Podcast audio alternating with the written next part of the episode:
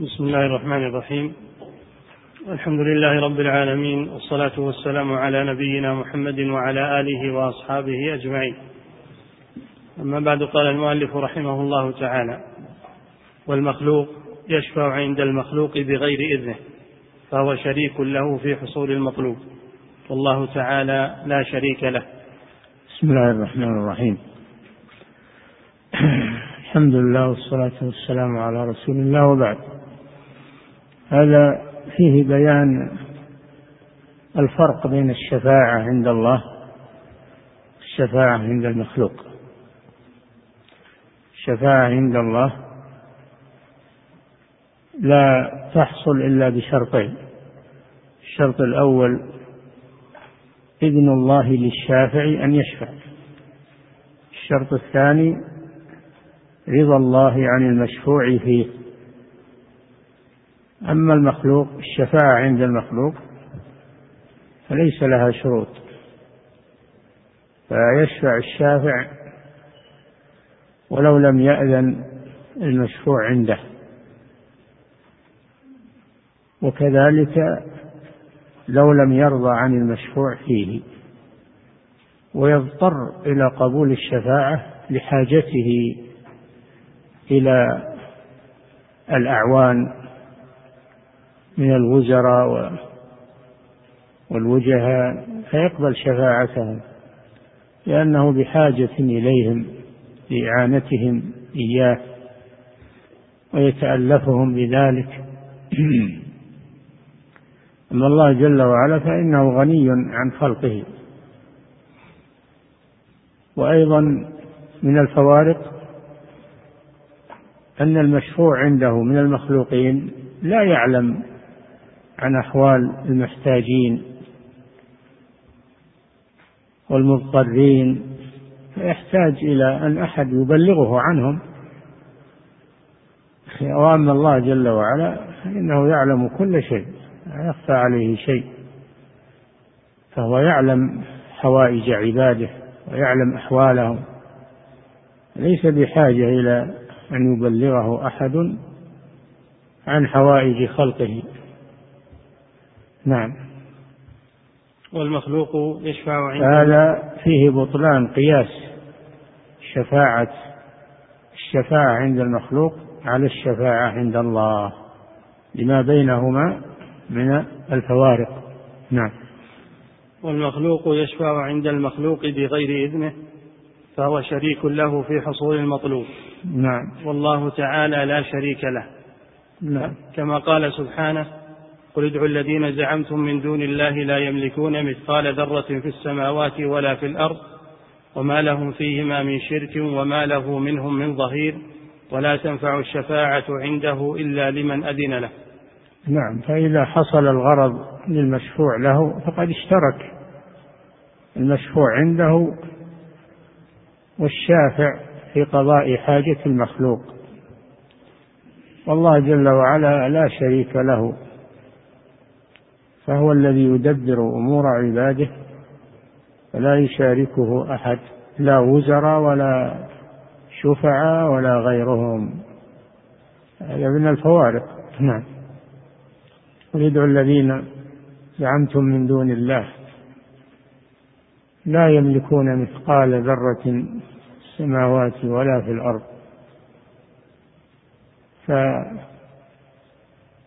فالمشركون يعبدون الملائكة ويعبدون الصالحين ويقولون هؤلاء شفعاؤنا عند الله. ويجعلونهم شركاء لله في قضاء حوائجهم. الله جل وعلا أبطل هذا. لا يملكون مثقال ذرة. أصغر شيء. لا يملكون مثقال ذرة في السماوات ولا في الأرض. الشفعاء ليسوا شركاء لله في تدبير أمور عباده ولا يملكون شيئا. الملك كله لله سبحانه وتعالى. لا يملكون مثقال ذرة. فكيف تصرف لهم العبادة؟ وهم لا يملكون شيئا. نعم. وقد استفاضت الأحاديث عن النبي صلى الله عليه وسلم أنه نهى عن اتخاذ القبور مساجد ولعن ولعن من يفعل ذلك ونهى عن اتخاذ قبره عيدا. النبي صلى الله عليه وسلم نهى عن اتخاذ القبور مساجد ولعن من فعل ذلك. لماذا تتخذ القبور مساجد؟ لأجل الشفاعة ولا يزال في سياق الشفاعة. فالذين ينادون الأموات ويستغيثون بهم ويطلبون حوائجهم منهم إذا قيل لهم الأموات لا يقدرون على شيء قالوا نحن نعلم أنهم لا يقدرون على شيء ولكن نريد أن يتوسطوا لنا. ويشفعوا لنا عند الله. ونحن نتقرب إليهم من أجل أن يشفعوا لنا عند الله. وإلا فنحن نعلم أنهم لا يملكون شيئا ولا يقدرون على شيء ولا يخلقون شيئا. إنما جعلناهم وسائط بيننا وبين الله سبحانه وتعالى. فيبنون على قبورهم من لأجل هذا الغرض. لأجل أن يكونوا شفعاء لهم عند الله ويدعونهم ويستغيثون بهم عند مشاهدهم لهذا الغرض الذي هو نفس الغرض الذي قاله المشركون من قبل إنما نعبدهم يقربونا إلى الله زلفى. ويقولون هؤلاء شفعاؤنا عند الله. والنبي صلى الله عليه وسلم نهى عن الغلو في المخلوق لا سيما الأموات واتخاذ القبور مساجد صلى عندها أو يبنى عليها لأن هذا من الغلو ولأن هذا من وسائل الشرك بالله عز وجل. نهى عن ذلك في أحاديث مستفيضة عنه صلى الله عليه وسلم. بل لعن من فعل ذلك. دعا عليه باللعنة. وهذا يدل على أن البناء على القبور كبيرة من كبائر الذنوب. لأن صاحبها استحق اللعنة. وذلك سدا لوسائل الشرك بالله عز وجل. وغلظ في النهي عند موته صلى الله عليه وسلم ليحذر أمته أن تغلو في قبره كما غلا الأمم السابقة في قبور أنبيائهم. فحذر من ذلك قبل موته بوقت قريب بل في اللحظة الأخيرة من حياته صلى الله عليه وسلم. يحذر أمته أن تفعل عند قبره مثل ما يفعل اليهود والنصارى عند قبور أنبيائهم. حماية للتوحيد. لا قبر النبي صلى الله عليه وسلم ولا قبر غيره. القبور إنما هي بيوت الأموات.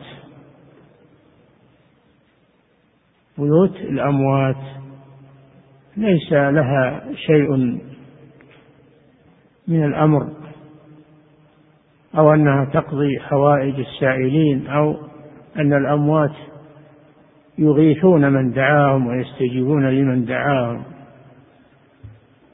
فلماذا لا يصرف هؤلاء دعاءهم واستغاثتهم إلى الله جل وعلا الحي الذي لا يموت القادر على كل شيء. لماذا لا يصرفون لكن الشيطان هو الذي املى عليهم هذا الأمر ليصرفهم عن توحيد الله وعبادته حتى يشركوا بالله فيدخل النار معه. إنما يدعو حزبه ليكونوا من أصحاب السعير. فهو يدعوهم إلى هذا بصرفهم عن التوحيد الذي بسببه يدخلون الجنة. إلى الشرك الذي بسببه يدخلون النار. لأنه عدو لهم. والعدو لا يريد الخير. لعدوه. وإنما يريد الضرر. إن الشيطان لكم عدو فاتخذوه عدوا. إنما يدعو حزبه ليكونوا من أصحاب السعير. فلذلك حذر النبي صلى الله عليه وسلم عند موته بالذات وكان يحذر من ذلك قبل موته عليه الصلاة والسلام. لكن عند موته أكد النهي والتغليظ خشية أن يصنع عند قبره ما يصنع عند قبور الأولين من الأنبياء والصالحين. رحمة بأمته وشفقة عليهم من أن يقعوا في الشرك. وخصوصا قبر الرسول صلى الله عليه وسلم. فإنه قال لا تجعلوا قبري عيدا. يعني تجتمعون عنده وتترددون عليه. وقال اللهم لا تجعل قبري وثنا يعبد. لا تجعل قبري وثنا يعبد. والوثن هو ما يعبد من دون الله سواء كان قبرا أو شجرا أو حجرا أو يعم كل ما يعبد من دون الله فهو وثن. هذا من كمال نصحه صلى الله عليه وسلم شفقته بأمته. نعم. وقد استفاضت الأحاديث عن النبي صلى الله عليه وسلم أنه نهى عن اتخاذ القبور مساجد ولعن من يفعل ذلك ونهى عن اتخاذ قبره عيدا. نهى عن اتخاذ القبور مساجد عموما. سائر القبور. ونهى عن اتخاذ قبره صلى الله عليه وسلم مسجدا على وجه الخصوص وأن يجعل عيدا يعني يعتاد التردد عليه وتتكرر زيارته صلى الله عليه وسلم. فإن هذا يسبب الغلو في قبره ويجري العوام والجهال. على التعلق بقبره صلى الله عليه وسلم. فلذلك إذا سلم القادم على الرسول صلى الله عليه وسلم أول مرة لا يكرر هذا. إنما أول ما يقدم يسلم على الرسول وعلى صاحبه كسائر القبور ولا يكرر هذا لأن التكرار هذا من اتخاذه عيدا. وهذا يجر إلى الشرك بالله عز وجل. نعم. وذلك لأن أول ما أحدث وذلك لأن أول ما أحدث الشرك في بني آدم كان في قوم نوح. نعم مما يدل على أن الغلو في الصالحين سبب الشرك ما حصل لقوم نوح. كانوا على دين التوحيد. وعلى ملة آدم عليه السلام توحيد الله وعبادته حتى مات منهم رجال صالحون علماء صالحون فقدوهم لما ماتوا. وحزنوا عليهم فجاءهم الشيطان واستغل الفرصة وقال صوروا صورهم وانصبوها على المجالس لأجل أن تتذكروا حالهم فتنشطوا على العبادة. جاءهم من هذا الطريق استغل حزنهم على المو... على هؤلاء فقال صوروا صورهم من أجل أن تتذكروا أحوالهم وتنشطوا على العبادة. ففعلوا ذلك صوروا صورهم نصبوها ثم لم تعبد. أول ما وضعت لم تعبد لأنها لأن لأن المسلمين كانوا على التوحيد وفيهم علماء ينهونهم عن الشرك بالله عز وجل. وإنما الغرض من هذه الصور النشاط على عبادة الله عز وجل وتذكر أحوال الصالحين هذا غرضهم من ذلك. فلما مات هذا الجيل ومات العلماء جاء الشيطان لمن بعدهم فدعاهم إلى عبادة هذه الصور وقال إن آباءكم ما نصبوها إلا ليستغيثوا بها وبها كانوا يسقون المطر فصادف هذا جيلا جهالا ليس فيهم علماء ينهونهم فعبدوا هذه الصور وعند ذاك حدث الشرك في الأرض. حدث الشرك من هذا التاريخ. فبعث الله نبيه ورسوله نوحا عليه الصلاة والسلام يدعوهم إلى عبادة الله وحده وترك عبادة هذه الأصنام. ولكنهم عاندوا وكابروا ومكروا مكرا كبارا وقالوا لا تذرن آلهتكم ولا تذرن ودا ولا سواعا ولا يغوث ويعوق ونسرا. هذه أسماء الصالحين. وقد أضلوا كثيرا ولا تجد الظالمين إلا ضلالا. فأبوا أن يقبلوا دعوة التوحيد وأصروا على عبادة هذه الصور فعند ذلك وما لما طال الوقت بينهم وبين نوح عليه الصلاة والسلام ودعاهم بكل وسيلة كما ذكر الله في سورة نوح. دعاهم بكل وسيلة. تلطف معهم دعاهم سرا دعاهم جهارا. وبقي هو وإياهم ألف سنة إلا خمسين عاما. وهو يدعوهم إلى التوحيد. فلما أوحى الله إليه أنه لن يؤمن من قومك إلا من قد آمن. عند ذلك دعا عليهم. دعا عليهم بالهلاك. فقال رب لا تذر.